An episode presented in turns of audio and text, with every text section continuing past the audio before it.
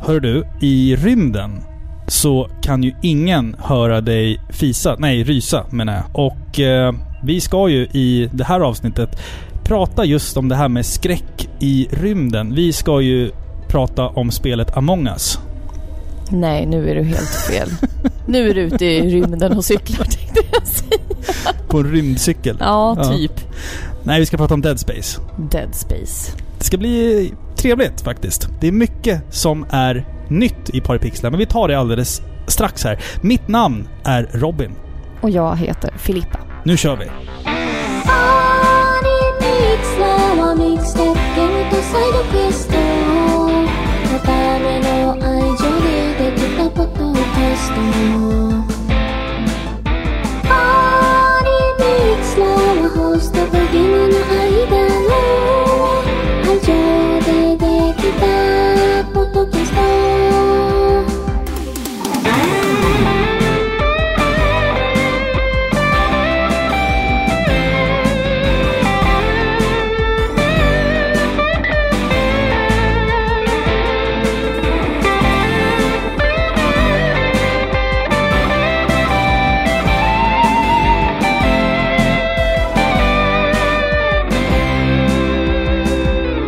Varmt välkomna ska ni vara till avsnitt 142 av Sveriges mest kärleksfulla tv-spelspodcast Par i pixlar.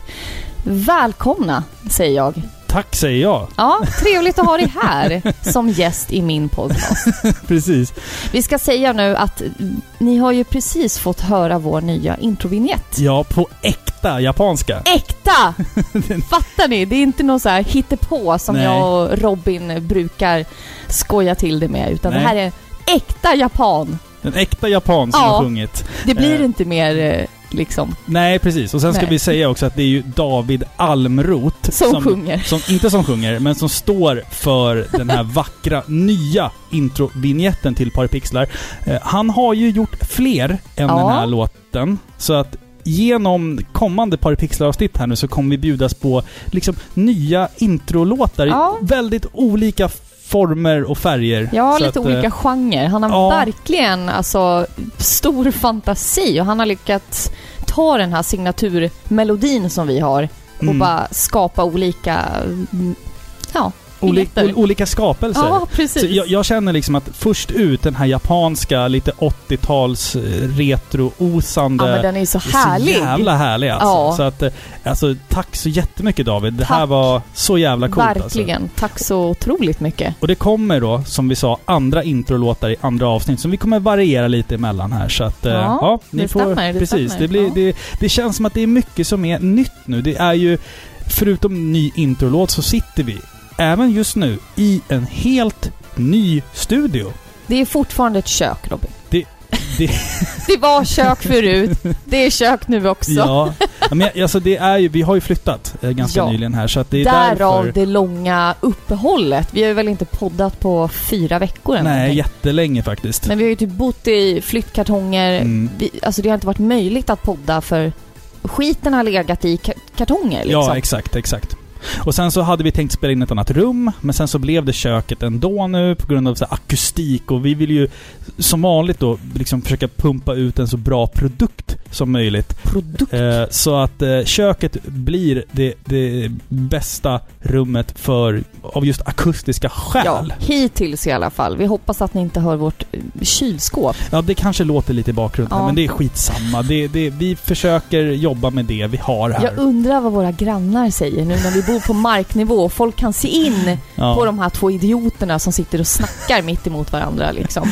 Ja, är två Jag vet här. inte alltså. Nej, jag vet inte heller. Vi får dra ner persiennerna här Ja, kanske. jag tror det. Hur är det med dig då? Trots eh, flyttkaoset här Filippa, hur Ja, mår ja, du? nej, men det är bra alltså. Mm, Det är himla bra. ja. Ja. Får jag berätta om mitt kirurgiska ingrepp som jag gjorde Ja, ja men gör det. Jättegärna. Jag, snabbt då. Jag var på sjukhus i fredags, jag hade en knöl i bakhuvudet som jag upptäckte i våras. Eh, och nu... eh, Jag har ju vetat om den länge, Ja. men jag har bara inte sagt något. det växer någonting baktill på ditt huvud. Eh, men, ja, och sen så det här med, med att stå i svenska vårdköer är ju inte superkul. Men häromdagen så Och inte fick... nu. Nej, inte nu i dessa tider. Speciellt under de här jävla corona-skittiderna. Eh, nu fick jag i alla fall ta bort den här och det var ju ungefär till storleken av en kapsyl. Eh, en, någon form av fettvävnad som hade liksom börjat alstra sig i min nacke. Det är nästan en trigger warning på det här Ja. för folk. Men jag tänkte, vi, det kommer ju bli mer gory i det här avsnittet, så jag vill liksom inleda Ja, Eh, lite äkta gore det först här, då. Ja, precis. Med att de med en skalpell liksom öppnade upp mitt bakhuvud och slet ut den här eh, med, med någon form av skrapa. Ja, Eh, det var bland det obehagligaste som jag varit med om i hela mitt liv. Men samtidigt så när jag låg där så låg jag och pratade med de här sköterskorna om, eh, om eh, de var nog läkare. läkare kanske, eh, kirurger och sådär. Undrar, undrar, om de, undrar vad de tjänar i snitt? Kirurger. Alltså jag sa till dig att du inte skulle dra det skämtet till dem. Nej, gjorde- Säg att du inte gjorde det. Nej, jag gjorde inte det. Nej, Jag gjorde inte det nej det är faktiskt. bra. Ja, men så det har vi gjort. Vi har flyttat, jag har opererat mig. Eh, det har hänt en jävla massa grejer. Ja, så att, eh, Det känns som ett helt nytt liv. ja, verkligen, verkligen. Och, så eh, det känns skönt att vara tillbaka i, i studion, jag I säger väl studion, det då. ja precis. För exakt. att det känns eh, bekvämt att göra någonting man har gjort förut. Ja, innan vi går vidare så kan vi bara också säga så här Filippa. Vi har fått en ny Patreon. Woho! välkommen till klubben säger vi till Henrik Nieminen. Woho!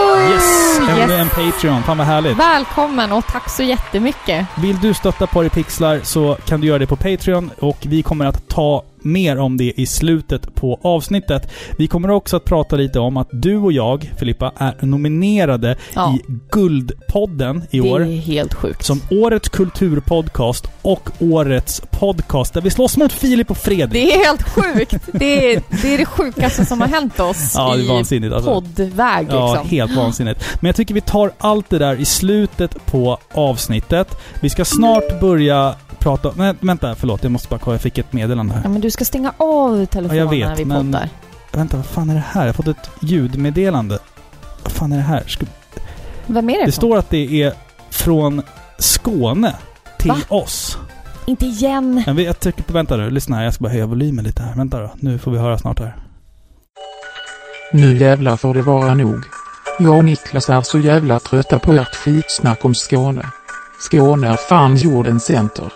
Sveriges guldkorn och gillestugan dess högborg. Stockholm, vad fan finns det i Stockholm? Har ni spettekaka? Har ni Ale stenar? Har ni Sofiero slott? Ni har ju för fan inte ens ett turn på så. Nu drar jag och Niklas fram spadarna och börjar gräva loss oss själva från skit-Stockholm. Men se det här som en varning från slättelandskaperna i Skåne, lilla Danmark. Länge leve Christian Tyrann. Vi ser er. Stick och brinn. Med ovänlig hälsning, Jocke och Niklas. Ja, fan, nu, nu Nej, får du fan... nu är det Nu får du- krig! Ja, jag blir nästan lite rädd av Ja, de här hoten då. som kommer från, från Jocke och Niklas på Gillestugan.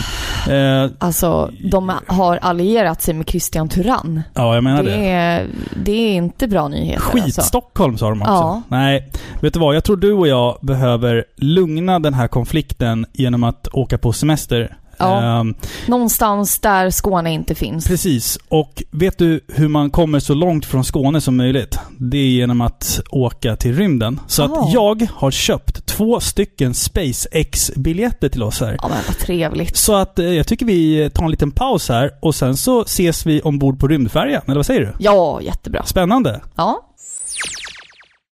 Alltså, jag har aldrig haft en sån här astronautblöja på mig. ja, men det är trevligt. Sådana skulle man ha varje dag. Ja, du måste avsluta med kom varje gång du säger någonting. Kom. För vi ser, jag ser ju inte dig här. Du sitter ju bakom mig i rymdfärjan här. Kom. Okej, kom. Och jävlar, nu börjar de räkna ner. Är du beredd? Ja, Håller du i nej, dig? nej, jag är inte det. Åh, det är tur att man har blöja. Rymdblöja. Ja, nej men vad fan. Vi, vi, vi kör på lift då. Vi Och ses vi, vi i ses rymden. Vi ses i rymden någonstans. Ja, vi ska väl till någon rymdstation någonstans kanske. Ja, ja Yes. Oh, nu kör vi.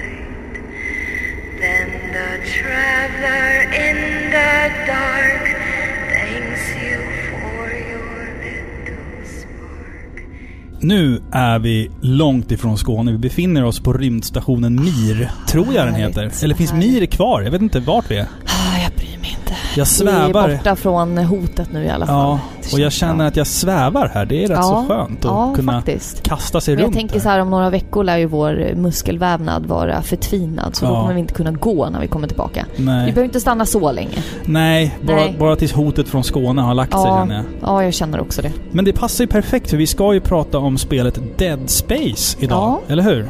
Död rymd. Död Ja, rymd. det låter jättemysigt tycker Ja. jag. Ja, Jag kan dra lite fakta om spelet kort ja då. men hemskt gärna. Det släpptes till Playstation 3, Xbox 360 och PC i oktober 2008. Det är ett survival horror-spel i yttre rymden. Det är EA Redwood Shores som senare då blev Visceral Games som har utvecklat spelet. Och vad de har gjort tidigare, alltså de har gjort spel som Future Cop LAPD, eh, 007 Agent Under Fire och Lord of the Rings Return of the King. Inga superstora titlar, men spel som ändå varit ganska så uppskattade bland fansen. Mm. Eh, studion lades ju tyvärr ner av EA. Eh, och varför... De blev väl uppköpta väl? Ja, uppköpta och sen nedlagda. Eh, Ja. Och varför EA begick den här stora slakten, jag vet inte. Jag har inte läst på så mycket om men just är det det. inte lite så att de som har jobbat, alltså de OG members, Ja. de har ju gått vidare inom EA. Det tror jag. Men Ja. det fanns ju en period där EA liksom, man, man mördade Visual Games, man mördade Maxis. Man mördade typ alla de här mindre bolagen. Och köpte upp eh, kompetensen för att släppa spelen under sin egen banner. Något sånt. Något sånt. Jag vet ju att många av eh, personerna bakom Dead Space idag arbetar på olika Star Wars-spel Ja, då, under exakt. EAs falang. Men jag är ändå rätt säker på att det här inte är det sista vi har sett av Dead Space för det. Det är bara en liksom killgissning En från min sida. Hint liksom, Jag, eller jag, hunch. jag vet ingenting, men det är, det, är en, det är en hunch. Det är en hunch på att Dead Space inte är dött i alla fall. Det Ja. hoppas jag att det är. Det hoppas jag också att det inte är. För jag, ja, jag tycker om den Vi här får se, serien. ja. Ja, vi får Mm. se. Vi får se. Men du, kan inte du dra lite så här handling om spelet då?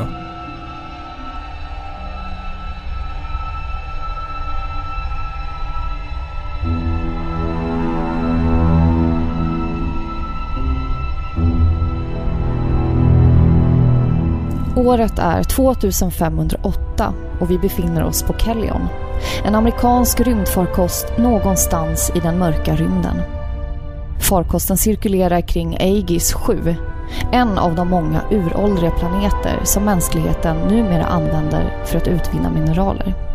Livet på jorden har nästan nått sitt slut och ombord farkosten finner vi en grupp människor som utforskar den oändliga rymden i jakt på det livsnödvändiga råmaterial som krävs för att mänskligheten ska kunna överleva.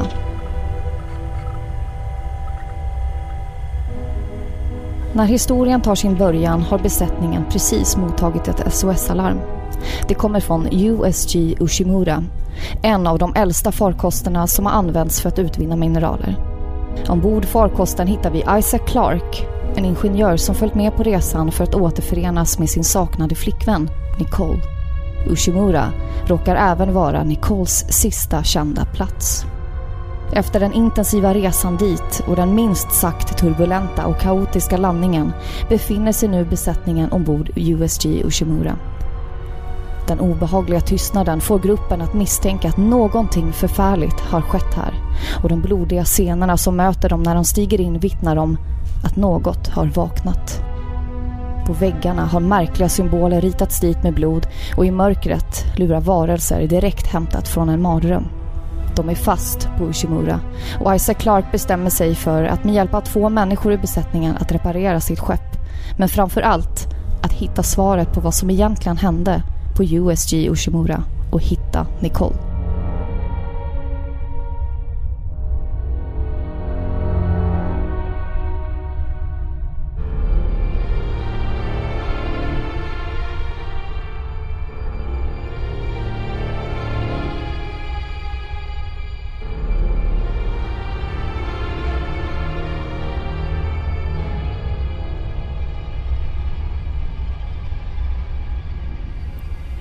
Nu känner jag att vi är i stämning. Ja. Ja. Mm. Det där är lite kul också för att vissa av röstskådespelarna i spelet säger Ushimura och vissa säger Ishimura.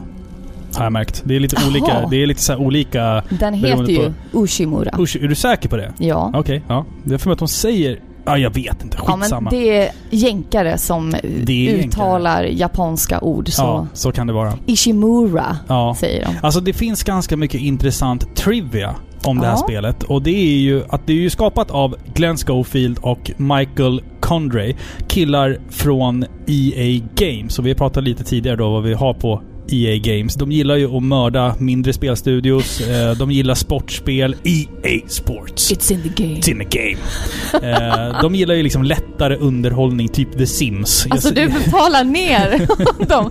Jag trodde du skulle säga liksom riktig fakta, men du säger snarare dina liksom fördomar.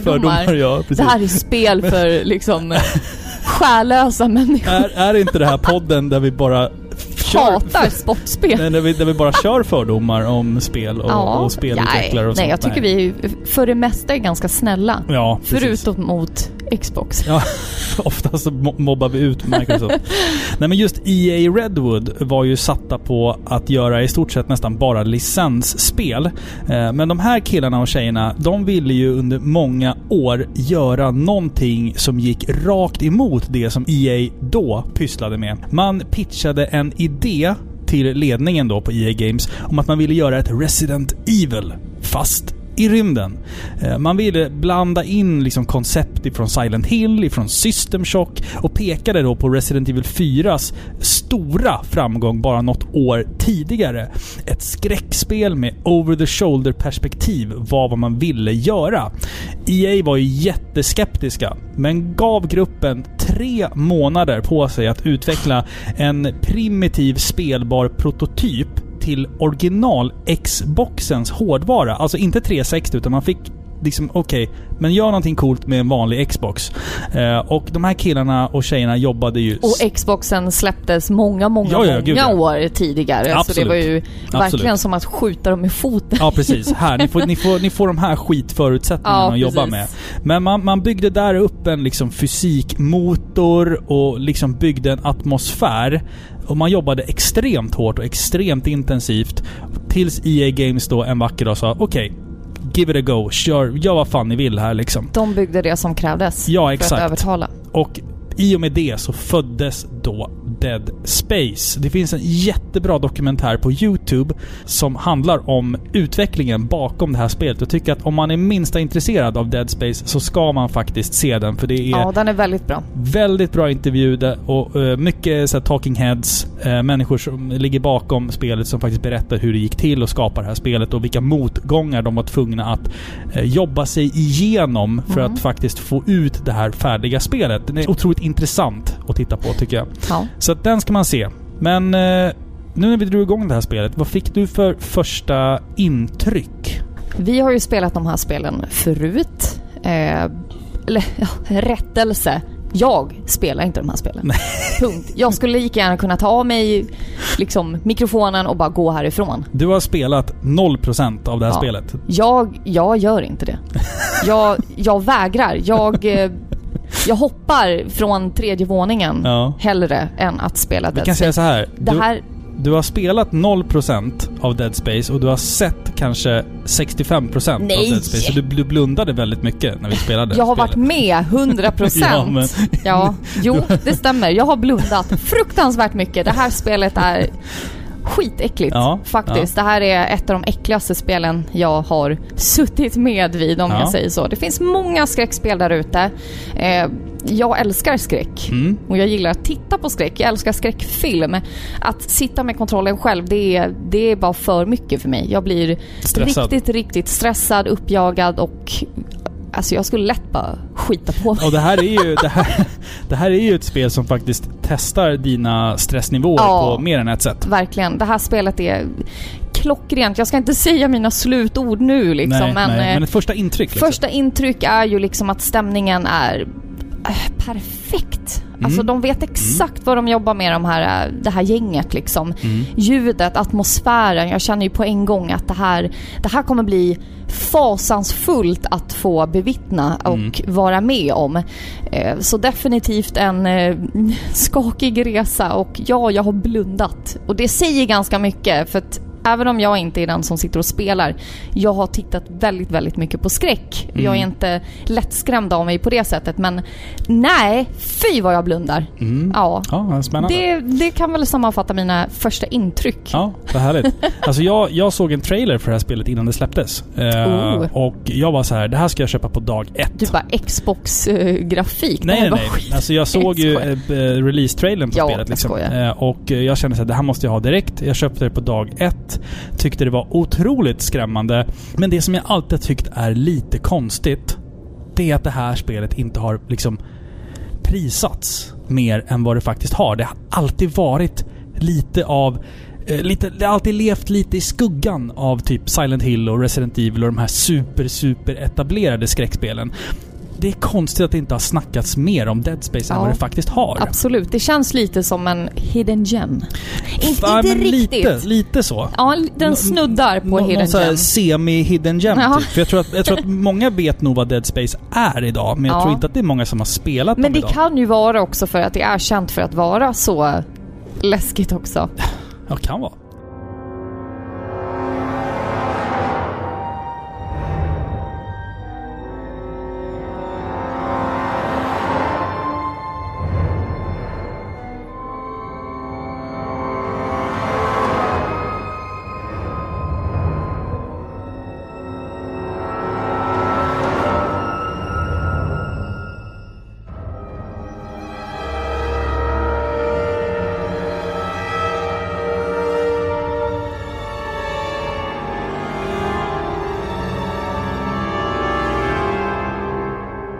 Ska vi gå in och prata lite om presentation? Ja, det tycker jag. Jag tycker vi kan bör- börja lite med grafiken och miljöerna, det första vi Mm. ser. Mm. Det här är ju fruktansvärda, miljö, obehagliga, skrämmande miljöer och man ser ju på en gång eh, att det är liksom uppenbart inspirerat av typ Alien, Mm. eh, Event Horizon. Filmer då Alltså, alltså? två filmer som verkligen satt prägen för riktigt bra rymdskräck. Vi har liksom de här mörka, smutsiga, blodiga korridorerna där Alltså rymdens klaustrofobiska oändlighet. Jag vet att det är två ord som egentligen går mot varann. Mm, mm. Men den gör sig påtaglig vid varje, liksom vid varje rum. Ja, precis. Rymden är så stor. Att och den det blir klaustrofobisk. Att den blir klaustrofobisk. Ja, exakt, exakt. Och det syns klart och tydligt att någonting har gått snett här liksom. De här Mm. blodiga väggarna, alltså fy, man får rysningar.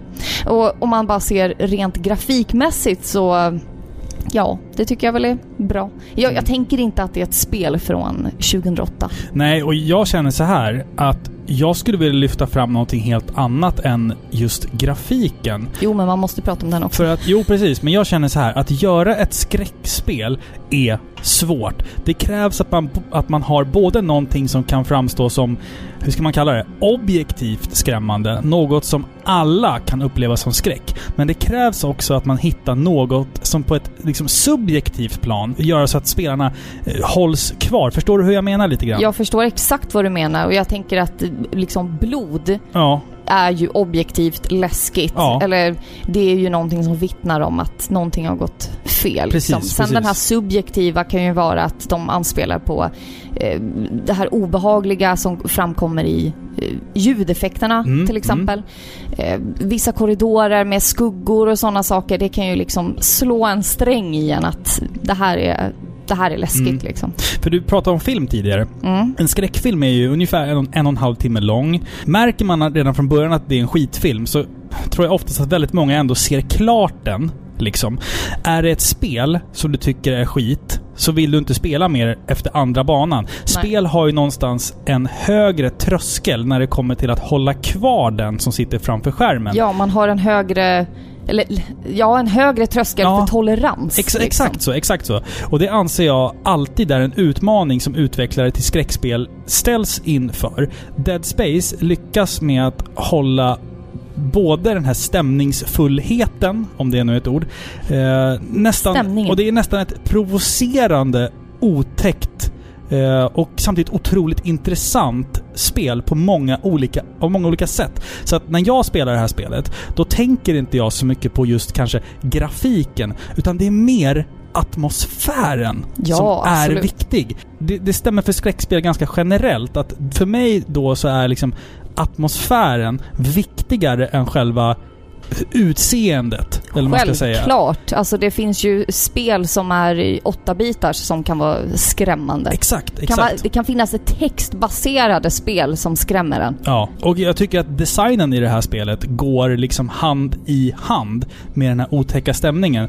Vi ser på sättet som våran hjälte Isaac är designad på. Han har ju liksom ingen så här militärgruntig aura eller någon liksom uniform på det sättet. Det här är liksom en kille som har så armerade arbetskläder på sig. För han är ju där för att liksom laga Exakt. det här skeppet. Han är ingen militär som går in liksom... Full liksom eh, lastad Nej. med ammunition och... eh, Det är det som är det fina med det här. Det är också...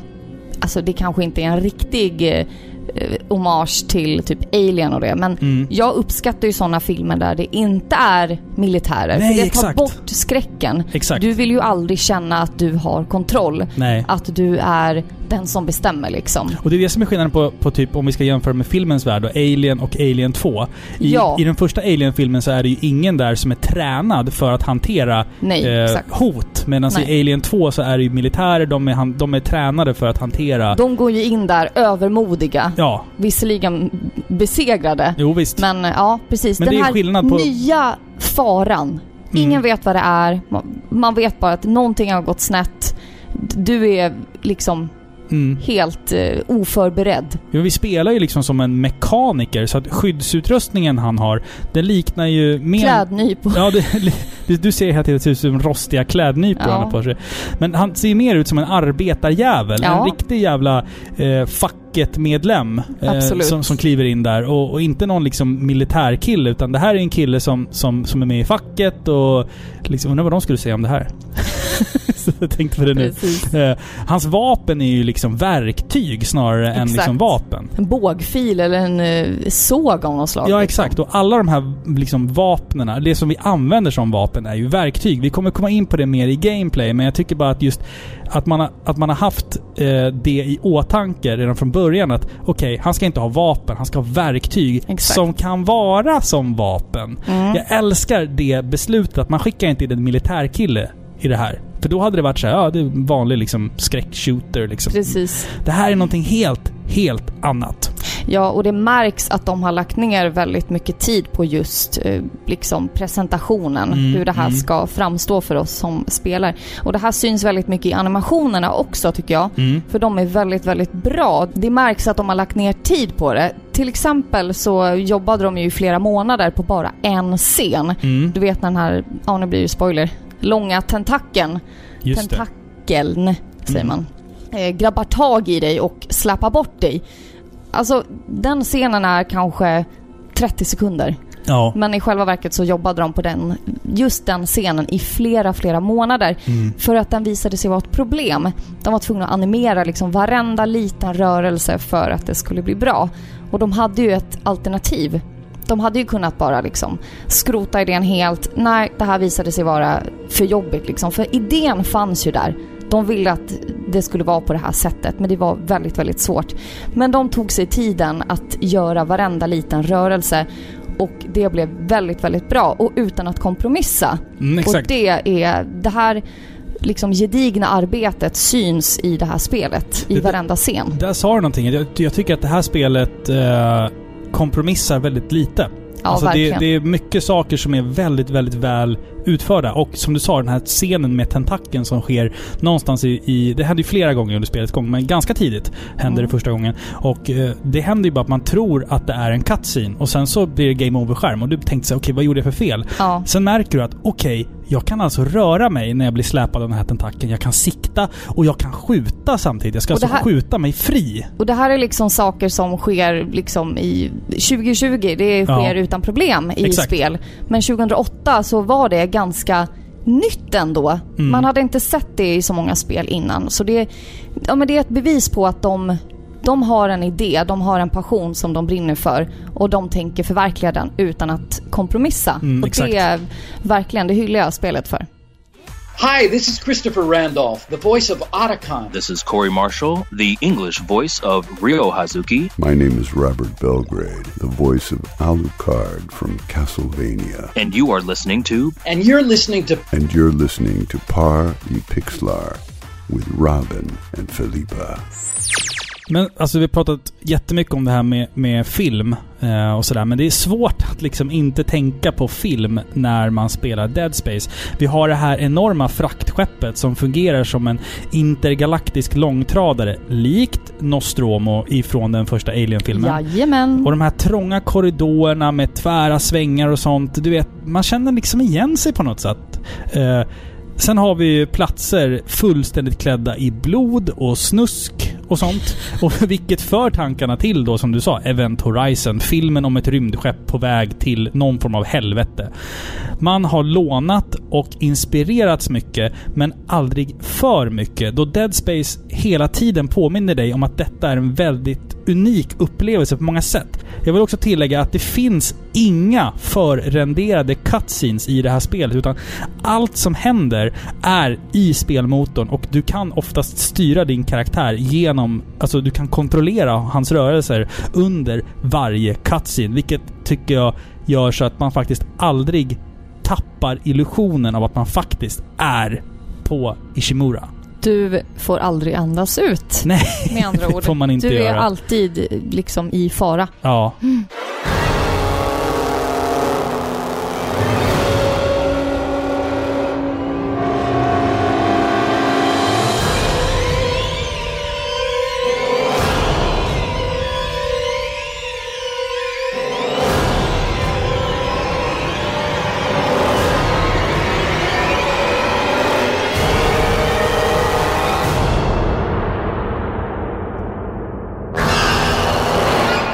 Vad får man om man solar med bh? En ful bränna. Vitlökar. Nej. Ja. Vilken artist älskar att sjunga sorgsna låtar i öknen? I öknen? Ja. Nej. Moll i Sandén. Moll i sanden. Moll i Sandén. Nej. Vilken dålig.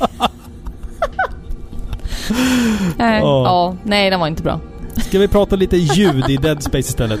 Ja. En stor del av upplevelsen i det här spelet är ju faktiskt ljudbilden. Alltså höga, ofta pulserande motorljud som blandas med en illavarslande ambient bakgrundsmusik. Man använder ljudet så effektivt. Allting känns obehagligt hela tiden. Man har skapat en atmosfär som gör att man blir rädd för ljud. Bakgrundsljud. Även de som du liksom direkt inser är mekaniska ljud från rymdskeppets maskiner och motorer och sånt. Allting skrämmer skiten ur dig. Det är liksom höga, pulserande, rytmiska ljud som ligger och trycker ansträngande mot dina trumhinnor. Speciellt om du spelar med hörlurar. Och din spontana reaktion blir bara att springa ifrån det där området för att liksom bara ta dig igenom det som känns som ett tillfälligt helvete. Du hör inte ens fienden bland de här höga ljuden. Eller ljudet från dina egna vapen när du skjuter, för maskinen låter så högt. Jag kan bara hålla med. Alltså, atmosfären är ju det viktigaste i det här spelet. För när det kommer till musik så finns det ju inte jättemycket musik. Det är liksom kanske några bossar som man hör någon Ja. form av melodi liksom. Men Mm, mm. nyckeln här är ju liksom bakgrundseffekterna och ljuden. Vi har de här skrämmande, skärande ljuden av metall och rostiga maskiner. Och precis som du säger, man blir ju rädd för själva ljuden. Ja, exakt. För ljud i typ film och spel, där de brukar ju ofta signalera om det är någon fara i närheten. Och det stämmer ju i många fall. Mm. Man, men man blir ju också lurad och skrämd av bara ljuden i sig liksom. Utan att det för den skull hoppar fram ett monster. Så de här ljudeffekterna som finns är otroligt effektfulla och det som är kul är att de har ju skapats av ljud från riktiga tåg. Mm, exakt. under en tågräls har de varit och fångat in det här ljudet. Och när man vet om det så hör man det verkligen. Alltså Ja. de här gnisslande, skärande ljuden från typ ett tåg som bromsar. Alltså det är oerhört kraftfullt och äckligt. Och man blir liksom bedövad av Mm, ljuden. Och det, det tycker jag är smart för att det är ett bra sätt att skriva bra skräck. För jag menar hög volym, det tar ju bort ett sinne. Förstår Ja, du? Du hör Exakt. inte längre Ja. om monstren har kommit. För allt du hör är de här jättehöga bakgrundsljuden liksom. Mm. Det känns som att du är mitt inne i typ en liksom stor fläkt nästan Ja, som bara precis. tundrar på liksom.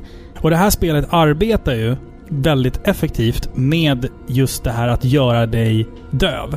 För att vi har ju de här stora maskinrummen, som vi sa då. Där har de här stora bullriga maskinerna. Du hör inte om fienden kommer bakom dig. Nej. Sen finns det också tillfällen i spelet när du befinner dig utanpå rymdskeppet i, Ja. i tyngdlöshet. Och det enda vi hör då är karaktärens andetag. Ja, Och det gör ju att vi också är döva. Vi hör inte fienderna där Nej. heller. de bara dyker upp. Exakt, de bara dyker upp bakom dig och du har inte hört dem komma. Och det är det, det är det som jag tycker också bidrar till den här stämningen. De tar bort ett av dina sinnen. Ja. De tar bort din hörsel. Nu kan du inte längre höra fienden. Och då måste du liksom 100% förlita dig på din sikt. Entering vacuum. Entering zero gravity. Warning. Multiple impacts detected across the starboard hull.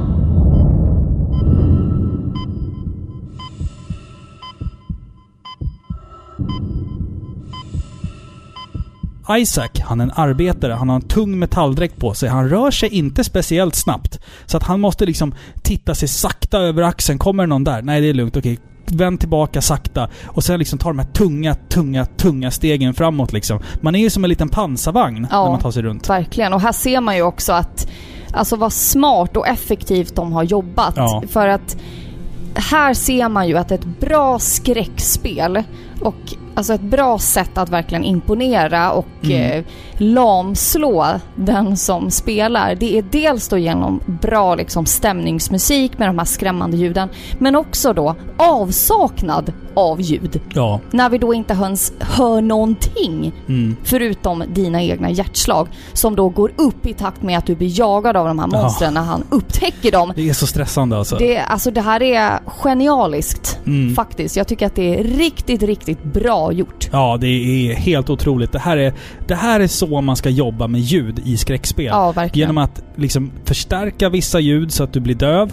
Eller att ta bort allt ljud. Ja, inte de här Alltså- pampiga låtarna. De, de bidrar inte till någonting. Precis. Och vi har pratat om det tidigare i, i något eh, skräckspelsavsnitt eh, som vi har gjort. Att vissa skräckspel är fan i mig läskigare att spela helt mutade. För att du hör inte fienden då.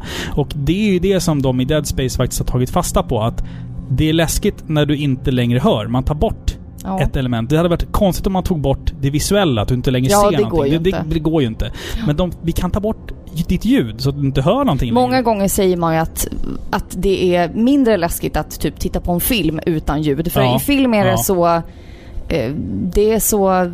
En sån stor och väsentlig del av Mm. upplevelsen. För det är inte du som håller i kontrollen Nej, exakt. längre. Exakt. Men nu när... Det blir liksom ombytta roller. Mm. När det faktiskt är du som måste överleva den här situationen. Ja, precis, precis. Nej, men jag tycker att det här spelet har en perfekt ljudbild. Det är som jag sa, det är så här man ska jobba med ljud i ett skräckspel. Det här avsnittet av Par i pixlar görs i samarbete med tv-spelsbutiken Spel och sånt. Filippa, nu kommer en märklig fråga här. Om du skulle ge dig ut i rymden med en begränsad packning, vad skulle du egentligen ta med dig? Det känns som att du har ställt mig den här frågan förut, fast då var det en öde ö. Ja, precis. Men jag tänkte Är att... sva- svaret fortfarande spel? Ja, jag tänker det. Bärbara spel kanske? Det är skönt att vi har våra prioriteringar liksom korrekta här. Nej men jag håller med. Alltså var man i rymden och man typ visste att man skulle dö, Ja, då hade jag ju bara velat spendera tiden väl, jag menar det. tänker jag. Ja. Om det var helt kört så hade jag typ så här velat spela igenom Final Fantasy 7 en sista gång kanske. På en Switch. På en Switch Ja. kanske. Och ett ställe som garanterar snabb leverans och bra priser är ju... Även ute till rymden? De Nej, kan, ja, man vet inte. Det beror på vad du har för postnummer. Det är ju faktiskt spel och sånt. Ja, det stämmer ju. De står ju för det här med snabb leverans. Och framför allt, bra personal och service. Vi älskar ju spel och sånt. Sveriges varmaste tv-spelsbutik. Ja, tack. Tack så mycket, spel och sånt. Vilket asiatiskt land har godast mat? Nej, jag menar. Vietnam. Nam. Den var ju typ jättedålig. Okej, Ja. ska vi gå vidare och prata om lite gameplay Filippa? Ja, det tycker jag. Och då måste vi ju prata lite om bandesignen. Hur spelar man det här spelet liksom? Mm. Vad går det ut på? Alltså Isaac Clark, han ska ju i stort sett då ta sig fram på det här enorma skeppet och reparera olika delar av skeppet för att ja, kunna frakta The Marker. Mm. Mm. Vi behöver inte gå in för mycket på det. men Storyn, det, nej. nej. Du ska frakta en jättestor sten tillbaka till planeten. Och det finns 12 kapitel, eller 12 banor, eh, där du då behöver besöka de olika delarna på skeppet. Du, är, du kommer alltså vara överallt på Mm. skeppet. Ja. Och du är ensam, men du har ju liksom många gånger din besättning med på Radio. rymd-Skype. Rymd-Skype, ja. Och det är de som kommer med direktiven. Gå dit, gör det här, reparera den här, bla bla bla. Men i övrigt så träffar du inte många människor. Nej. Men om man ser till själva motoriken så tycker jag att det fungerar faktiskt väldigt bra. Alltså han är ju en tung koloss. Ja, exakt. Ett kylskåp. Men Mm. det... Alltså man kan ju inte förvänta annat. Det hade Nej, ju varit konstigt del- om han sprang runt som en balettdansös Ja. liksom och var liksom spänstig och så. Det är ju inte det. Han har ju en tung liksom dräkt på sig. En del av upplevelsen är ju att man är ganska långsam. Ja, Det är en del exakt. av upplevelsen tycker Och jag, jag. tycker det är bra. Jag tycker att alltså, överlag så, här, så är det ett otroligt intelligent spelsätt, tycker jag, som tar tillvara på alla spelets dimensioner. Mm. Och det blir en alltså, otrolig utmaning för Dels så blir man ju helt disorienterad när man flänger runt och byter vinklar och perspektiv hela tiden när man är då i tyngdlöshet. Förstår Mm. du? Så det är definitivt svårt men väldigt smart att ha med. Du, du sa ju tidigare att, att, att det var 12 stycken banor i det här spelet och jag älskar verkligen att spelet är så tydligt med att det är banor av många olika anledningar. Eh, för att eh, varje bana börjar ju och slutar ju vid en tågstation. Du åker liksom ett litet rymdtåg mellan Ja. varje bana. Åh, det är så skönt att komma tillbaka till tåget. Ja men efter att ha virrat runt i trånga korridorer med blinkande lampor och helvetesmonster så kan man liksom andas ut när nästa objektiv är så här, ta dig tillbaka till tåget. Ja, Då precis. blir man såhär, åh, nu måste jag bara överleva sista Men även biten. där så lurar de en. För man Ja. möter ju liksom fiender som har nästlat sig in på tågbanan också. Ja, gud ja, så gud man ja. ska ju inte slappna av Man är bara för att man säker. ser tåget liksom. Man är aldrig säker. Det är också en stor variation på banorna. Vi har de här, det är mycket så här nersläckta och, och otäcka rymdskeppskorridorer. Men också områden där, de, där den nu döda besättningen då tidigare har odlat liksom livsmedel och, och sådär. Deras grönsaksland. Ja, typ. exakt. Sen har vi ju några vändor genom motorutrymmen, enorma ventilationstrummor, som också ibland utgör ett hot i sig. Det handlar inte alltid bara om, om att man ska ta sig förbi en hord av monster, utan även miljöerna kan ju vara om inte ännu dödligare ibland, vilket jag också tycker känns spännande. Skeppet är liksom en ogästvänlig plats i sig. Exakt. Och I övrigt så är det lite som i andra survival horror-spel. Man ska samla på sig föremål för att kunna låsa upp nya vägar. Och man får utforska relativt fritt i den mån du kan. Vill du veta direkt var du ska gå så kan du använda någonting som jag kallar för fegsnöret. Det är alltså en liten, en liten linje på marken som visar exakt vart du ska gå eh, om du väljer att aktivera den. Och den kan du bara enkelt få fram genom att liksom trycka på typ R R3 på Du på kommer kontrollen. använda den. Man kommer använda den för att det, ibland är det förvirrande vart fan det är man ska. Men Ja. jag älskar det för att alla korridorer ser likadana ut ibland. De är trånga, otrevliga, blodiga och ett monster kan hoppa ut från vilken ventil när som helst. Så att ibland är det bara skönt att veta att okej, vart ska jag gå för att komma fram? Lite så. Och jag, jag kan uppskatta att det faktiskt är banor och inte en öppen värld. Ja, exakt. exakt. Jag- Tydligheten. Liksom. Jag uppskattar ju liksom öppna spel på det sättet, Mm. men just i det här spelet så blir det mer läskigt. Ja. Hade det varit en öppen värld så hade ju du liksom haft ett ställe där du kände dig säker. Ja, exakt. Och det hade till och med kunnat vara typ som någon slags hubbvärld. Mm. Förstår du? Där du känner att här är jag säker, Mm. hit kan jag alltid gå tillbaka och göra liksom olika objectives i din egen takt. Exakt, Men exakt. så är det inte nu, utan nu måste du ta dig igenom det är på sin höjd en korridor som du känner att ja men här, här är jag dödat rela- alla. relativt säker. Ja, precis. Här är jag relativt säker. Mm. Men sen när du är klar, ja men då är du på väg till nästa ställe Mm. som du inte har någon aning om vad det är. Exakt, Liksom. exakt. Så det är nytt och skrämmande varje gång. Ja. Och det Men- är väldigt långt. Det är väldigt långt. Spel. Jag tycker att en del av de individuella banorna är väldigt långa. Men det tycker jag liksom på något sätt bara bidrar till skräcken för att man vill liksom bara vara färdig. Ja, och de lyckas ju faktiskt hålla kvar Exakt. nivån av skräck genom Intens- hela ja, in- spelet. Intensiteten dalar ju aldrig utan den är ju... Man är verkligen på helspänn hela jävla tiden. För att Ja. de här fienderna, som vi snart ska prata om, de kan ju komma upp när som helst, var som helst. Du kan stå i affären och kolla efter en ny pistol, eh, eller en ny borrmaskin, eller en ny dräkt. Och så kommer de, utan att du hör det ibland. Och, eller så står du och håller på och bygger om ett vapen. Och så kommer de, för du hör dem inte. För du är helt upptagen med att stå och titta på vad fan ska jag uppgradera det där vapnet? Vi skulle Eh, väl prata om monster snart. Jo, jag vet. Vi, vi kommer till monster snart. Men, men just det här med att man aldrig känner sig riktigt säker tycker jag också, ur ett gameplaymässigt perspektiv, så du känner dig ju liksom aldrig säker. Och det är fan genialiskt gjort tycker jag. Absolut. Att de lyckas göra det så pass otrevligt att du aldrig känner dig säker. En annan del som är väldigt viktig i det här spelets eh, bandesign och, och i gameplay är ju faktiskt det här med zero gravity. Ja, tyngdlösheten. Vi har ju snuddat lite vid, vid det redan, Mm. men det är ju alltså tyngdlöshet. Alltså det är Mm. vissa delar i spelet, eh, inte hela banor, men delar av banor där Ja. du utsätts för tyngdlöshet. Alltså det här tycker jag är ett ashäftigt komplement att addera i ett sci-fi-spel. Alltså man är ju i rymden och Mm. då känns det ju bara naturligt att ja men det är klart vi ska vara utanför rymdfarkosten också. Ja. Liksom. Men ni kan ju bara föreställa er vilken enorm panik som uppkommer då när man dels behöver oroa sig för att inte luften ska ta slut och dels då för att de här äckliga flerlemmade helvetesmonstren ränner efter dig. Mm. Det här är fantastiskt läskigt. Ja. För att vi, som du sa, vi är ju i ett rymdskepp. Men vi är ju också utanpå rymdskeppet. Och här utspelas ju några av spelets mest intensiva scener. Man har ju med hjälp av faktisk realism skapat något riktigt obehagligt. För som jag sa, i rymden kan ingen höra dig rysa, eller skrika, eller fisa på dig. Eh, under... Isaac Clarke gör allt. ja, precis. Und, och de här små jävla äckliga rymdmonstren. Eh, Små är de väl inte? Ja, vissa är ju Vissa är små. små. De, de kryper sig på Ja. i tyngdlösheten. Där du liksom minst anar det så står de bakom dig. Eh, och man hör alltså inte fienden som vi sa, utan De bara är där. de bara är där och, och, och, och stoppar någonting i dig. Så att du dör. Och, så hoppar du till och så ja, blir du frustrerad. Ja.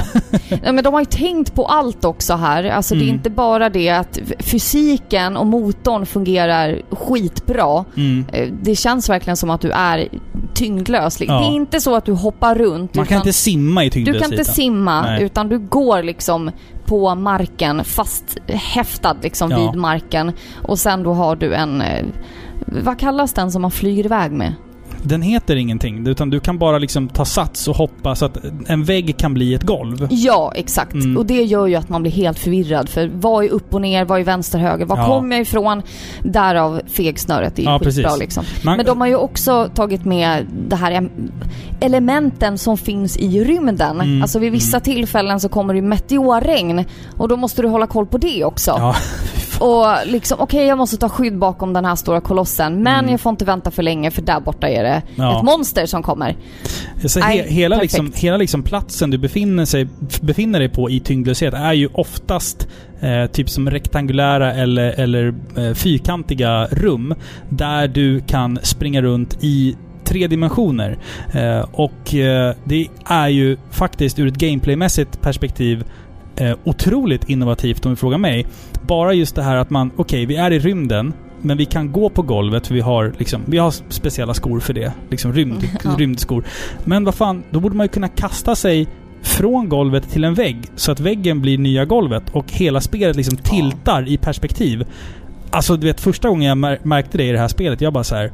Wow, det här kommer Mm. bli så jävla freaky längre in i spelet. Eller hur? Man anar. Ja, man anar vilka Det är så prövningar. här monster som svävar runt i tyngdlösheten och först och bara väntar. Och man bara, Ja. är den här död nu eller kommer den börja liksom? Ja, Och det är ofta i de här rummen också som vi har spelets eh, pussel. ja exakt, exakt. Alltså oftast kan man ju säga att pusslen i sig är ganska simpla. Ja, man ska flytta på saker Ja, och det är ofta det. Man drar enorma typ järnelement till sin rätta plats för att Byter kunna plats på ett batteri. starta en generator eller något sånt Ja, där liksom. precis, Men precis. svårigheten ligger ju istället då i att kunna hålla huvudet kallt och manövrera de här stora objekten Mm. samtidigt som man blir attackerad. För du blir alltid attackerad.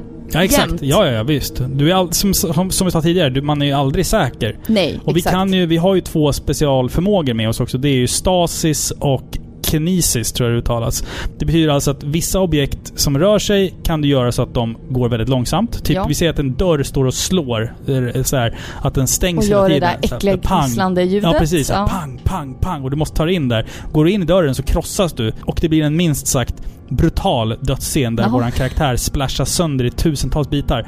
Eh, men då, då kan du alltså göra så att dörren går i slow motion och lätt bara glida in. Sen har du också den här med att du kan eh, greppa tag i föremål, stora eller små, och flytta dem. Eh, som att i ett rum då så ska du gå igenom en motor som fortfarande brinner och så ska du ha ett stort föremål som du ska liksom trycka framför dig så att du inte skadas av lågorna. Dessa förmågor kan du också använda eh, i strid mot fiender. Du kan Ja. stanna fiender och... För de kan, är oftast väldigt snabba. Exakt. Och du kan också ta tag i stora objekt som du kan slunga på fiender så att de också splashar sönder i, i blodbad. Ja, så fysiken är levande. Fysiken är väldigt levande och jag är otroligt imponerad av hur man har valt att arbeta med fysiken. Bara just när när man springer runt i korridorer, men även också i tyngdlösheten. Arbetet man har gjort här är 10 av 10. Ja, verkligen. Det finns en, en dålig grej när det gäller spelets bandesign. Jaha. Det är det vidriga valet dagen då de bestämmer sig för att implementera en laserkanon. Den är inte kul. Ni vet, det finns, i alla spel så finns det någonting jobbigt. Åh nej, inte det här. Och fy, det Ja, här är det exakt, värsta i hela exakt. spelet. Det kan vara den här lilla bilen i Mass Effect 1. där du jämt dör av lavan och Jag liksom fysiken är obefintlig. Du kan dö när som helst. Jaha okej, där hoppade jag tydligen. Alltså förstår du? Ja, det, alltså jag hatar bilen Eller typ Effect. eh, escort missions i Resident Evil 4. Ja, herregud alltså. Sharon eller vad hon Jag heter. börjar må illa nu jag Ashley heter hon. Ja, Ashley. Ja. Ja. I det här spelet så måste man använda en enorm laserkanon och skjuta Asteroid- meteorer, ja, eller asteroider, asteroider, ja. som kommer mot dig. Och alltså hade man spelat på PC så säger det ju sig själv, då går det ju jätteenkelt Man liksom. klickar på det man vill skjuta. Ja, exakt. Men här är det liksom en... Det går klonkigt liksom och Ja. det är svårt. Det går inte alls oftast. Nej. Man sitter bara och blir arg. Ja, det, exakt. det är garanterat den absolut sämsta biten i Ja. hela spelet. Och det är väl typ det enda som jag vill egentligen klaga på när det kommer till gameplay och Varför sådär. ska man ta med såna här grejer för? Det är inte ens kul. Nej, men det är så här för att fylla ut spelet. med Ja, någonting. det, exakt. Man märker att det är tydligt så här. okej här vill vi fylla ut med, med någon jävla Space Ja. Invader-grej Bara liksom. för att det ska kännas lite Ja. rymdigt sådär. Det ja, finns nej. så mycket saker som är innovativa och fantastiskt designade i det här spelet. Men det där med att skjuta asteroider är inte en av dem. Nej.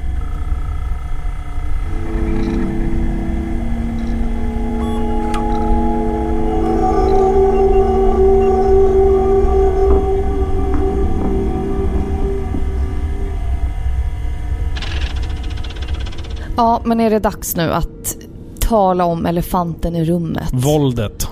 Våldet, Ja. lemmarna, splattret Fy och fan. Åh, dessa monster. Det finns en anledning till att jag har blundat typ 40% av det här spelet. Ja. Och det är de här fruktansvärda eh, necromorphs Ja. och äckliga, vidriga... Eh, fy vad de är Älskar. äckliga! Älskar namnet Necromorph. Ja, Det- jag det är- vet. Det, är något dött som Ja. liksom eh, blir någonting annat. Men också en hommage tror jag till Xenomorph. Alltså Ja, Alien absolut. Xenomorph. Ja. Alltså det här känns eh, hämtat från Hellraiser och Alien och alla äckliga, härliga typ så här. Jag, jag- jag, får så här 80-tals film, splatter, vibbar, Mm, praktiska effekter. Förstår du? Alltså jag, det är det, The ja, Thing. The Thing har Förstår jag skrivit du? upp. Och jag har skrivit The Thing här. Ja, Det är det jag tänker det, på. det är sådana vibbar man får. Mm. Alltså det här är ju monster då som har varit människor. Mm. Det här är liksom inte en alien som har kommit på det sättet per se, utan det är människor som har drabbats av något Ja, kan man ju säga. Vi vill inte spoila liksom storyn för er. Men de har påverkats av något och liksom blivit de här monstren. Mm. Så det är ju tydliga mänskliga drag. Det är ju Ja. liksom, de har ju huvuden och sådär. De har fått en eller två extra armar. Ja. De typ saknar käke. Alltså det är såna obehagliga... Mm. Eh, och, och det är en variation också av monster, såklart. Ja, Det finns ju massa olika eh, typer av monster. Jag vet liksom inte hur jag ska kunna beskriva de här. Som jag sa här tidigare, jag tänker på The Thing lite grann när, när jag ser de här Ja, men ni monsterna. vet den scenen när huvudet kapas av Ja, i The Thing efter Mm. att bröstkorgarna öppnats och bästa scenen i en film någonsin. käkat upp någons armar. Fan vad jag älskar den scenen. Huvudet rycks av och ur huvudet så bara sprätter det upp ett par spindelben Ja. som kilar iväg med det här huvudet upp och ner. Den känslan Ja. får jag. Den känslan. De har ju tittat på The Thing. Ja. Det, märk, det märks ju. Definitivt. Men det här är ju... Vem har inte det? det- Alltså det här är ju ett av spelets unika selling points som du frågar mig. Eh, man ska ju liksom med hjälp av verktyg som vapen dissekera fienderna så att de inte kan ge sig på dig. Detta gör du genom att effektivt då med dina laservapen klippa av lemmarna Ja. på dem. Och då är det ju skönt att de har så många Ja, lemmar. exakt, Eller exakt. det blir ju lite enklare Ja, då. och det blir ju som en tredjepersons shooter 2.0 lite grann. Där det liksom läggs enormt mycket vikt på hur du dödar dina fiender. Det är alltså inte en liksom blinkande lem som visar så här, ja fienden är svag här. Utan det är upp till dig att säga, okej, klipp armarna på den där fienden, huvudet på den där, svansen på den där lilla jäveln på väggen. Och necromorphs som kommer springandes mot dig. Då har du inte många sekunder då, att tänka. då är det bara panik liksom. Då är det att kapa benen Ja, så att de ramlar ner. ja. Exakt. Men då är de exakt. inte döda utan Nej. du måste fortsätta då. De kravlar så länge Ja. de bara kan. Ja. Och det var liksom en av de här första grejerna också som jag hajade till på när jag spelade spelet. För tidigt i spelet så möts du av en, en text på väggen eh, där det inte står carpe diem utan det står... det, står i, det står liksom i, i blod så här cut their limbs. Och jag bara hmm. Okej, vad menar de med det? Och sen så när jag liksom såg de här spindelliknande första fienderna med de här stora enorma klorna så bara Hmm, jag kan alltså... Ja, och med mitt vapen så kan jag skjuta liksom diagonalt eller horisontellt. Precis. Och då bara, okej, jag ska klippa Mm. armar och ben på Ah, dem. det är så smart och det är så här, alltså. det, det, det är 2.0-tänk. Ja, det är verkligen. 2.0-tänk. minst Får jag bara säga att den Ja. första banan, Mm. när du typ precis har fått ditt vapen, Ja. eller minuterna innan du har fått ditt vapen och du bara springer för ditt liv. Det är det värsta i hela spelet.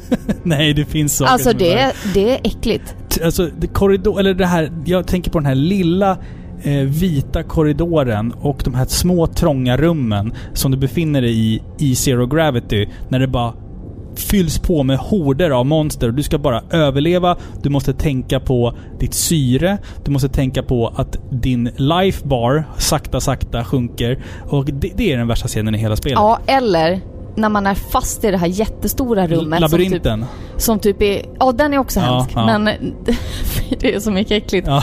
Men du är fast i ett rum. Det ser ut som någon slags eh, labb av något slag. Och det är två stora, inte de största. Nej. Men jag tror att det är såna här svarta. Ja, du vet precis. såna Ja, som ja. aldrig dör utan de bara morfar och tar sig upp igen. Du blir Mm. jagad av två stycken såna. Och du kan inte ta dig ut utan du måste bara överleva rummet. Ja, allting... Där. Ljuset blinkar. Och du ser ingenting Nej. och de springer mot dig och du bara okej nu har jag sparat mig två sekunder på den. Då, jag såg inte någonting av det. Jag mådde dåligt. Eller fienden som kallas för The Reanimator. Eh, där du ska ta dig genom en labyrint genom att flytta typ som bokhyllor, eller vad man ska Ja. kalla det för. Och den där jäveln, när du skjuter honom så säckar han ihop och sen så reser han sig upp igen efter fem sekunder. Ja, och du ska det. liksom under tiden lyckas lösa ett pussel för att ta dig ut. Det är stressande. Ja, man, Och, eh, och det är också så bra gjort av dem för att man går ju hela den vägen Mm, dit först. ja. Och då tar ju du dig tid. Tid. Ja, men man memorerar omsorg. inte. Och du liksom, okej jag måste flytta möbler för att ta mig fram. Men du skapar inte en öppen värld, Nej. väg. Utan för varje liksom ny nivå du har kommit till, då är du stängd där. Ja, precis. Då är du instängd. Ja. Du är instängd. Vilket gör att när du väl kommer tillbaka och då har honom i hasorna, måste du göra allting om igen. ja, då ska du backtracka Backtracka. med den här fienden hack ja. i häl. Nej fy, jag tittade inte då heller. Och vi måste ju också säga att det här spelet är extremt våldsamt. Alltså det är lemmar och blod och inälvor som i tyngdlöshet kastas runt dig. Ja. Det är så vackert det bara kan bli. Det är, det lider kanske jag inte ska säga, men jag använder det ordet nu. Det lider lite av den här fallout fysiken med döda kroppar. Du kan liksom gå på dem och de bara blir... Ja, de är slaps. lätta typ som tomma kartonger. Ja, liksom, du sparkar runt på Ja. dem och... Huvuden flyger Ja, ja. all världens Och om man tyckte att det var äckligt med en facehugger Ja. som liksom våldför sig Återigen- på å- någons återigen ansikte. Alien då, ja. ja. Så har ju vi fiender i det här spelet också som ser ut som typ stora fladdermöss nästan. Fåglar. De ser inte så skrämmande ut i sig, men det är de som infekterar. Man kan bli infekterad på det sättet. Ja. Alltså du kan hitta, det finns ju mänskliga kroppar som är döda Ja. ombord, ombord på skeppet. Och då ser du, det, det enda som skiljer dig och den här fågeln då, det är Ja. typ en plexiglasskiva liksom. Mm. Och då ser du på andra sidan att den har hittat ett lik och typ sticker in en lång svans och typ... Och det är någon form av vålds... Ja, det våld- ser äckligt ut. Ja. Och då blir ju den här livlösa kroppen en necromorph. Ja, nå- någon form av våldtäkt begås Ja. på, på ett lik och eh, det leder till att det föds nya monster. Ja. Så att när du hittar döda mänskliga kroppar så gör du faktiskt ganska rätt i att faktiskt skjuta sönder Ja, dem i eller molekyler. sparka på Ja, dem. stampa Tram- ihjäl dem. Ja. Ja, för ja, ju, ju mindre mänskliga lik, desto mindre fiender kommer du faktiskt att få. Och då måste vi ju även ta upp det här med bossarna. Ja, exakt. För det, det finns ju ett par bossar här i det här spelet. Mm. Men jag skulle faktiskt vilja påstå att de är i underkant i det här spelet. Definitivt. De är relativt enkla, Mm. om man säger så. Och de tar inte så mycket plats i spelet. Förutom den sista då, både symboliskt och Mm. bokstavligt. Mm. Eh, men jag tror att det här beror på att det vanliga fiendegalleriet är så pass välritat och så pass genomtänkt eh, och skrämmande. Alltså varje möte med fienderna känns som en boss. Förstår du? Det är så intensivt, så panikartat. Att det liknar liksom den här stressen man upplever vid en vanlig gedigen boss. Så det behövs egentligen inte mer. Alltså jag håller med dig helt. Bossarna är ganska ointressanta. Fiendegalleriet bjuder på en större variation. Ja, och större utmaning Ja, egentligen. faktiskt också. För att varje fiende har ju liksom någon liten unik eh, svaghet på något sätt. De är liksom. lite nischade. De är så. lite nischade. Vissa måste du sakta ner med stasis. Vissa är det bäst om du bara klipper armarna på direkt. Vissa måste du mörda sju gånger om innan de dör. Men du, tänk, det finns ju en fiende Mm. som anses vara den som, eh, den är väl starkast, Ja, typ. Eh, Den är fastklistrad vid en vägg. ja just det. Ja. Det är typ en skrikande människa som ser ut som att den har blivit... Den är fastklistrad med en köttblaffa På väggen. väggen. Ja. Köttblaffa är ett bra ord för, Ja, för, att för det beskriva, ser ut som det. för att beskriva hela spelet. Ja, Kött- köttblaffa. Kött, köttblaffigt. Ja, och den skjuter ut ur sin mage små köttpenisar ser det ut som. Ja, Små typ. klumpar med en liten... eh, Ser ut som en hundpenis Ja. som erigeras upp i Som marken. skjuter syra på en. Alltså det låter helt vad sjukt. fan Vad är det vi vi säger? Ja. Men i alla fall, de här små penisarna, de är jätteenkla. Du bara skjuter av dem liksom. Men vi stod ju och sköt. Ja.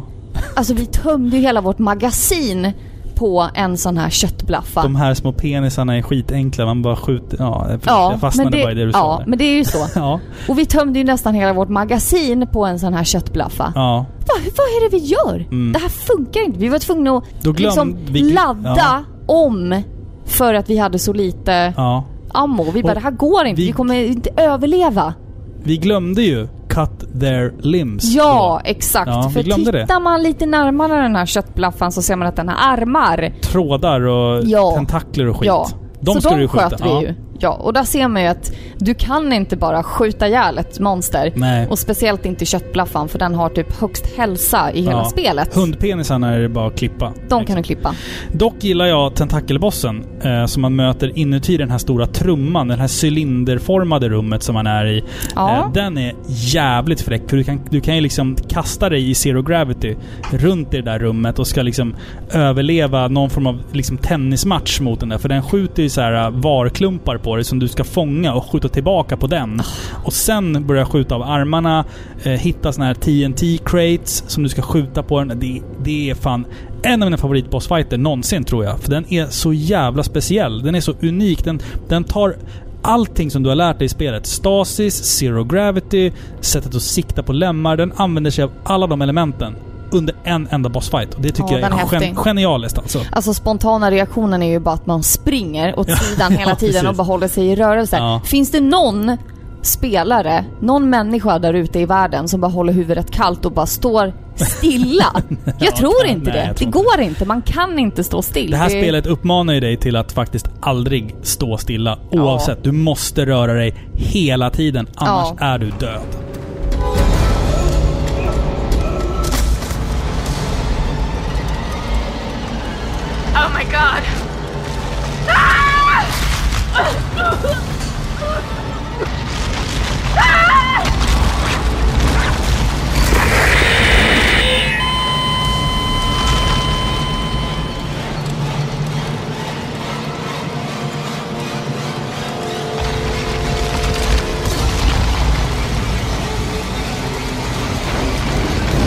En sak jag tycker är jävligt intressant i det här spelet, det är den här hooden, alltså Heads Up heads-up-displayen. Alltså, I ett vanligt spel så har du liksom uppe i vänstra hörnet en liten livmätare, du kanske har en liten så syremätare. Det står nere i högra hörnet hur mycket skott du har kvar. I det här spelet så integreras allt det i karaktären. Hans lifebar. I hans dräkt. I hans liksom. dräkt, precis. I hans lifebar så har han en blå lampa som sträcker sig från nacken längs ryggraden ner. Det är din- hans det, lifebar. Det är din lifebar. Hur mycket skott du har kvar till, till dina vapen, eller dina verktyg då, det ser du på samma display som han ser det på. Ungefär som i eh, Aliens, återigen. Där man ser på sidan av vapnet med en liten sån här cool digital display hur många skott du har kvar. Den ser ju Isaac samtidigt som vi ser den. Alltså, Ja, återigen, återigen ett sånt där sätt där Dead Space gör någonting helt unikt. Man tar bort alla menyer ifrån spelet. Allting sker i realtid.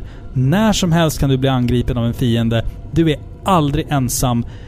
Genialiskt sätt Ja. att göra ett skräckspel på. Återigen, genialiskt alltså. Och på din resa så kommer ju du stöta på såna här så kallade workbench. Ja. Benches, kanske man säger. Alltså det är små stationer där du liksom levlar upp. Det är där din leveling sker. Mm, mm. Här kan du använda små puckar, eller nodes som de heter, eh, som du hittar ute eller du kan alternativt då köpa dem också. Och de här då så kan du placera i valfritt fack över uppgraderingar. Till exempel ökad hälsa, eh, bättre ammokapacitet eller mer luft liksom i tyngdlöshet och sådana saker. Och det är också väldigt simpelt, alltså du kan inte ta fel på det. Förstår du? Väldigt straightforward. Ja. Men även här är du ju oskyddad. Du kan ju faktiskt eh, bli angripen när du står i workbench. Ja. Så ett tips är att du kontrollerar en, Omgivningen. Eh, omgivningen Mm. och korridoren du står i innan du startar workbench. Men just de här nodesen som man använder för att uppgradera dina vapen och sånt. De är ju oftast en belöning för att du faktiskt vågar utforska spelet lite mer än vad fegsnöret ber dig att göra. Ja, Eh, precis. följer du bara eh, pilarna som pekar vart du ska gå hela tiden, då kommer du inte springa på särskilt många sådana här. Men om du däremot vågar gå in i den där dörren eh, som ser lite sketchy ut med lite blod på, som inte spelet att du ska gå in i, där finns det oftast jättemycket fiender. Ja. Men du belönas också med ny ammunition och just dessa puckar som är livsnödvändiga för att du ska vara stark nog för att kunna ta dig an slutbossen. Exakt. Och så finns det ju också små affärer. Mm, kioskerna. Liksom. Små kiosker ja. Och här kan du då köpa, du kan sälja och du kan hantera dina sparade föremål. Mm. Som eh, de följer med varje affär. Ja men som lådan i Resident Evil. Ja, precis. Du behöver inte hitta den här specifika affären där du lämnade ditt ammopaket utan mm. de följer med liksom. Och även här då så är du oskyddad. Du är aldrig sagt. säker. Och när det gäller din rustning eller din dräkt som du har på dig så är det precis som Notes att du kan hitta eh, instruktioner Mm. eller manualer liksom till att bygga en ny dräkt. Ja exakt. Ännu mer klädnypor. Ja, exakt. honom. Och då Ja. får du då liksom köpa den, eller du har den då och så kan du då liksom aktivera den. Mm. Eh, och då kommer han liksom kliva in i kiosken Ja. och komma ut som en klädställning. Det är min favoritscen tror jag i spelet, när man, när man får en ny dräkt. Det är Ja, så det är jävla coolt. coolt, alltså. Ja, Man känner sig så jävla badass när, man, har, faktiskt, när man har fått så här fjärde... varför kan man inte bara stanna där inne skyddad? Sitta där tills, tills tiden tar slut. ja, men typ. Eh, nej men det, det är fan coolt när man får den sista dräkten och kliver ut där. Man känner sig bara såhär, nu, nu är jag redo för action. Eh, Verkligen. ja. Och ett annat sätt som det här spelet gör det lite svårare. Du kan ju faktiskt köpa nodes. Mm, Och du mm, kan ju faktiskt köpa eh, health bars och, eller Mm, potions eller vad de nu än heter. mm. Men för varje gång du gör det så kommer de bli dyrare. Ja, exakt. Exakt. Och det som jag tycker är spännande med det här spelet också, när vi pratar lite grann om det här med uppgraderingar och sånt. Det är att i de flesta survival horror-spel där du kan göra uppgraderingar till vapen. Vi tar exempelvis Resident Evil 4 då. Framåt slutet på spelet så känner du dig ganska overpowered. Alltså att jag kan ta mig an vilken fiende som helst. Just throw shit at me. Medan i det här spelet så, även om du känner dig tuff, så är fortfarande utmaningen och skräcken i kurva med hur stark du känner dig. Du känner dig stark, men det som du står inför då när du är som starkast är fortfarande... Ja men det ökar ja, tillsammans med dig. Intensiteten på fienderna och svårighetsnivån ökar liksom i takt med att du blir starkare. Så att du känner aldrig ändå att du har någon form av överläge trots att du är starkare. Nej det är snarare så här, åh shit, tack och lov att vi la den där Ja, noden nu. ja, precis. Att vi inte sparade den utan Precis. den behövdes nu. Den behövdes nu för nu, nu blir det svårare Ja. i spelet. Liksom. Det, det, det, den kurvan är så jämn. Svårighet och uppgradering är jämnt hela spelet ut. Och det älskar jag. Då har man gjort ett balanserat spel som Verkligen. faktiskt håller hela vägen ut i mål. Mm.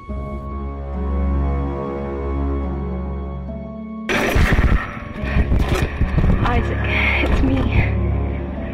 I wish I could talk to you. I'm sorry.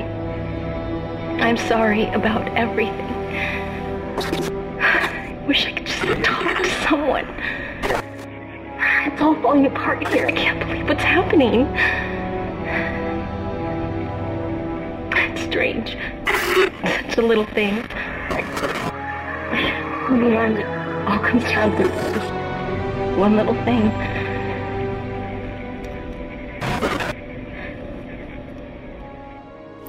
Men om vi pratar lite om eh, handlingen Mm. och karaktärerna i det här spelet.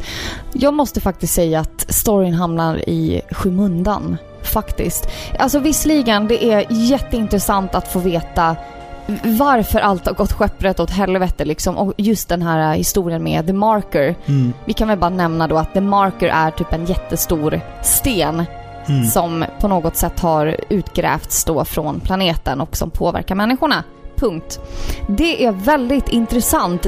Dels då för att det är så kraftigt inspirerat av 2001 Space Odyssey Ja, gud liksom. ja. Absolut. Men även för att själva idén då med ett utomjordiskt föremål som påverkar människorna runt om sig Alltså det är fruktansvärt läskigt. Alltså förstår du? Vad Mm, som helst mm. kan hända. Du har ingen aning om vad det här är. Men därför tycker jag att det blev krångligt och ointressant när de började hacka ur den historien. Ja, precis. De ändrar ju, för det är ju inte riktigt som man trodde från början. Nej, nej. Man, man gör handlingen för komplicerad för den här typen av spel. Ja. Det hade räckt med att... Vi ska väl inte spoila för mycket liksom. Men det hade väl räckt med att The Marker är ett mystiskt föremål som gör folk till galna aliens och liksom Ja, och sånt. sen lite små intriger Ja, däremellan. exakt. Men det hade räckt. man snurrar ju upp det här till att det blir något jävla Knutby-drama ja. i, i rymden. det är så här, Det blir liksom för... för Ja, man kan inte lita på snurrigt. någon och det blir liksom för... Okej, vänta. Vill den där personen... Är han påverkad? Ja. Vill han ha tillbaka Marker? Eller vill han inte det? Mm, alltså det... mm. Nej, Alltså, jag- jag, tyckte det blev... Det var dålig story på det sättet. Jag, jag känner liksom personligen att visst, det är intressant och spännande.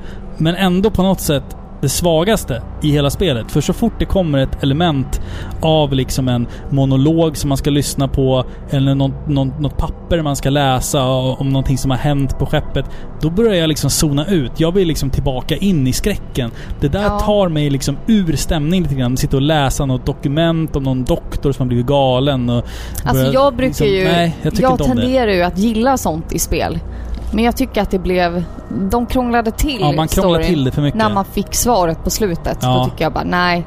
Det här Det köper var inte lite jag. för snurrigt, Ja, tycker jag. jag, jag, jag tycker de förstörde Ja, storyn på det faktiskt sättet. också. Så det, det, men det är ju tur att, att det är ganska lite fokus som läggs på handlingen. Det är ju tur absolut. det. Ja. Alltså man kommer fortfarande få en hundraprocentigt alltså, fantastisk upplevelse Ja, av ja. att spela spelet ändå. Exakt. Liksom. Exakt. när vi pratar om karaktärerna... med.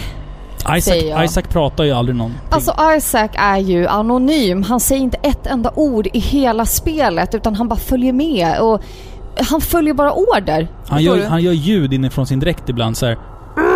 Ja men typ, det gör han. Alltså, jag, jag kan ha svårt för sådana spel. Alltså jag förstår ju andemeningen bakom. Alltså här vill man skapa en eh, så kallad Link-karaktär liksom, förstår du? Som är anonym till den graden att alla kan relatera till den personen. Men ibland blir det bara för mycket och personen framstår bara som ett tomt skal.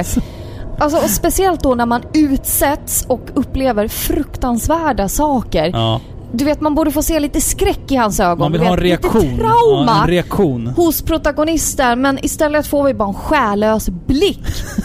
Speciellt då när man, när det liksom eskalerar allt Ja. det här med sin med, med flickvännen som har varit borta och Mm, allt det här. Så typ, han gör ingenting. Man vill ha mer känsla i karaktären Ja. känner jag. Ja, faktiskt. Och även då om jag uppskattar att eh, allting sker i realtid. Mm. Det tar ju bort lite från känslan. Ja, när är man då upplever en sån här stark scen, du vet du ska egentligen bara stå riktad mot eh, den som pratar med Mm. dig och det händer fruktansvärda saker. Men istället börjar man gå och luta lådor Ja. som ligger runt om och liksom bara okej jag börjar fixa med det här. Laddar om vapen. Förstår du? Det är så här, Ja, va? ja, precis. Vad gör du för någonting Ja. liksom? Och ändå så kan man inte bara lämna spelet för att man är ju ändå inte säker under de här cutscenesen. För Nej, att nej, saker nej, och ting kan ju kastas på dig Absolut. från ingenstans. Så att det är så här. Ah, jag måste ändå sitta och genomlida det här. Ja. Den här tråkiga dialogen. Och Men bara, det blir, alltså hade en, ser man det för vad det är så blir det ju Mm. jättemärkligt Ja, att ja, eh, ja, jag har väntat så länge på det här men här går jag och stampar på lik och Ja. rotar i lådor. Det är Och, 360-snurrningar. ja, precis. Liksom. Ja, nej, Ja. jag håller med dig faktiskt.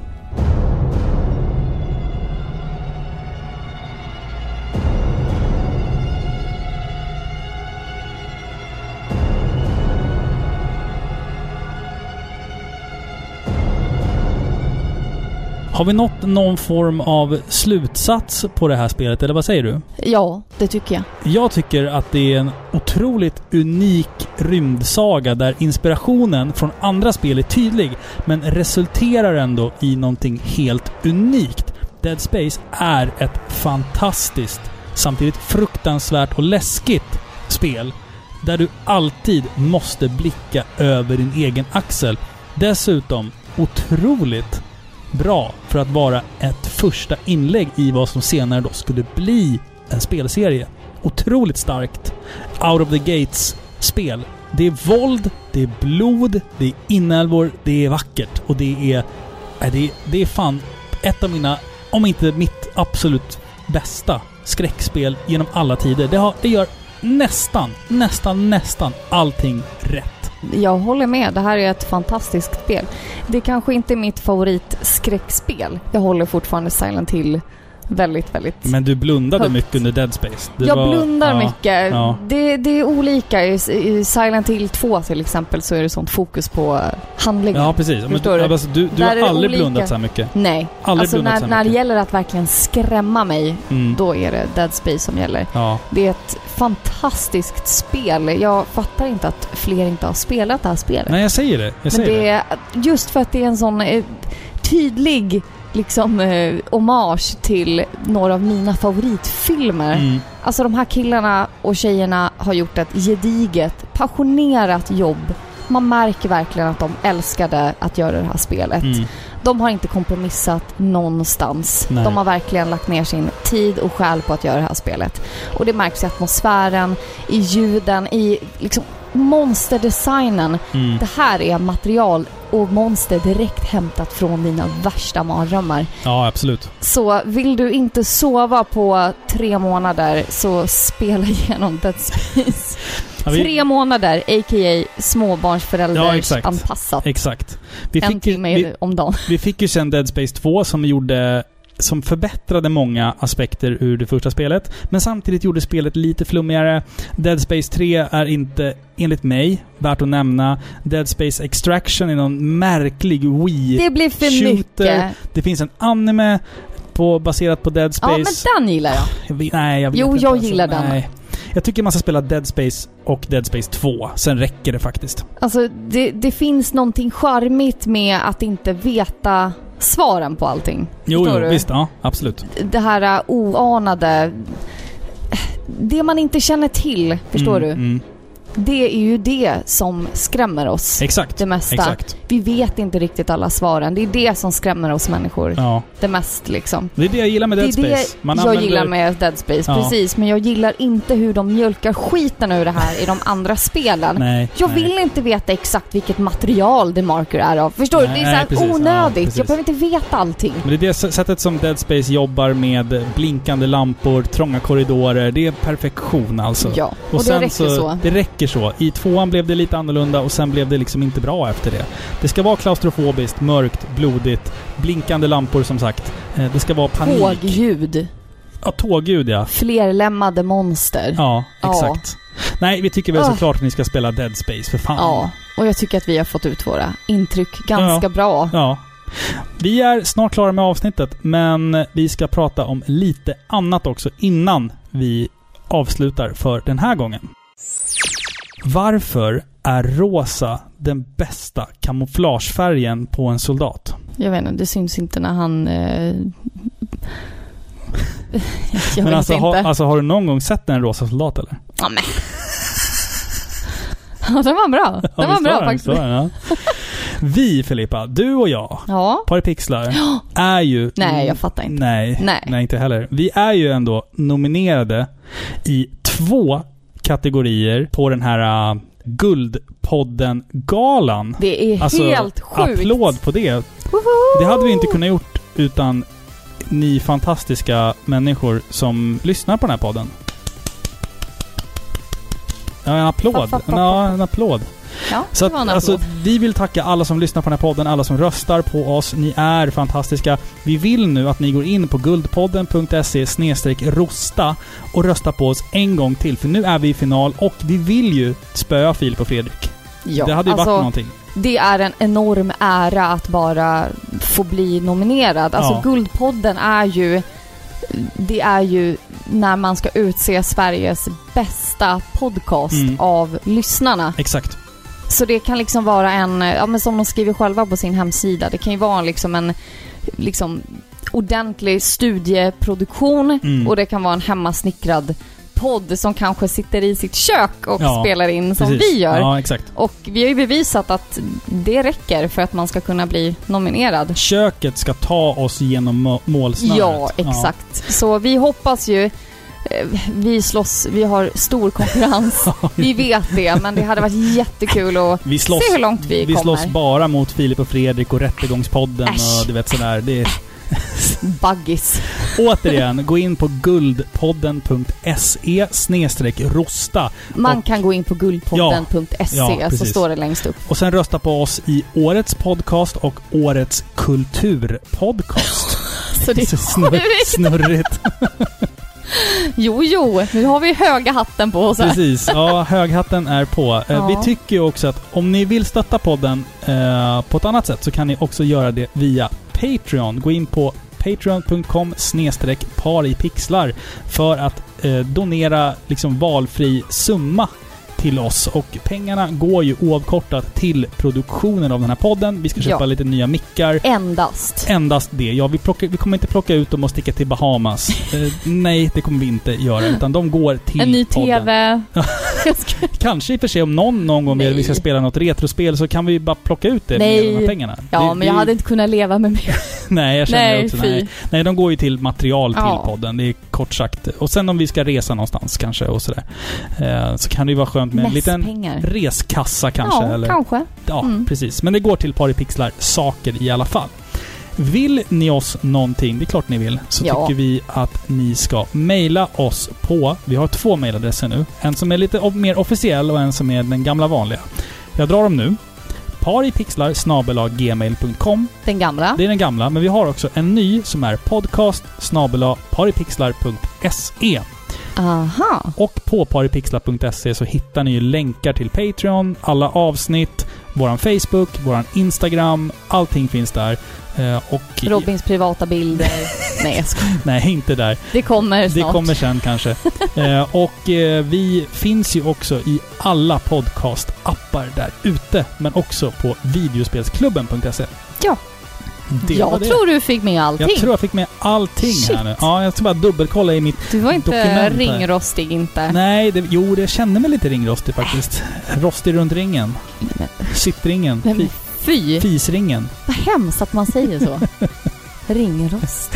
Ni har lyssnat på Paripixlar, Sveriges mest kärleksfulla tv-spelspodcast där vi har mer eller mindre hyllat Dead Space.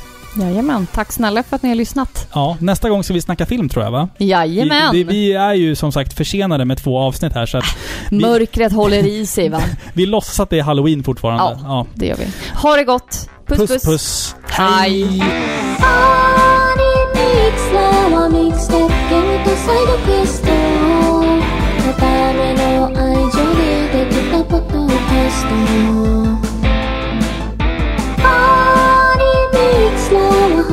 beginning